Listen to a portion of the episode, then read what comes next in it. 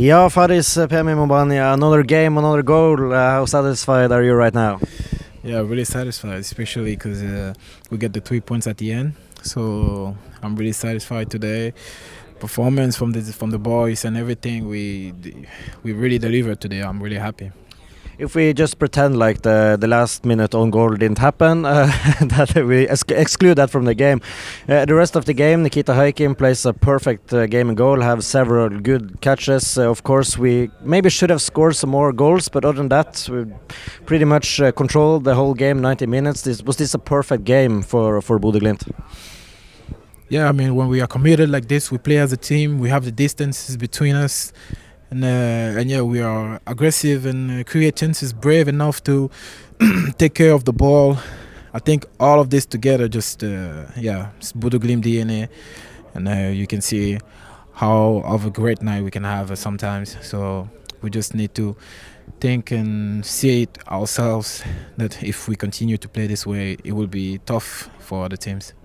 And and talk us through uh, your goal there because um, it it seemed like you had like two three chances to finish before it actually went in the goal. well, was it a little bit chaotic situation maybe? yeah, a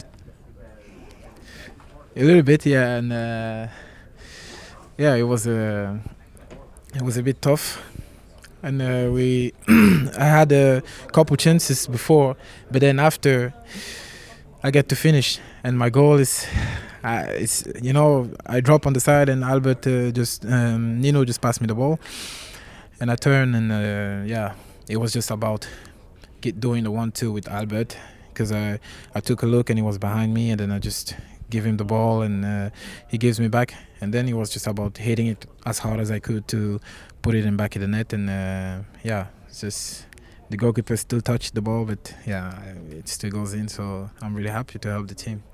And uh, of course now it's uh, it's uh, three games left in this uh, group stage, uh, two away games uh, those, but we're second place now, halfway way through, and this team obviously can, we can beat them in in Turkey. So confident that we can go through this group now we're just gonna take it game by game and, uh, see how it goes. We're gonna play the next game first in the league.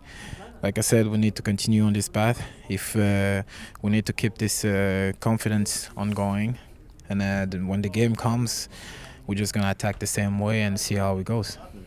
Thank you, Faris, and congratulations with the victory and goal. Thank you.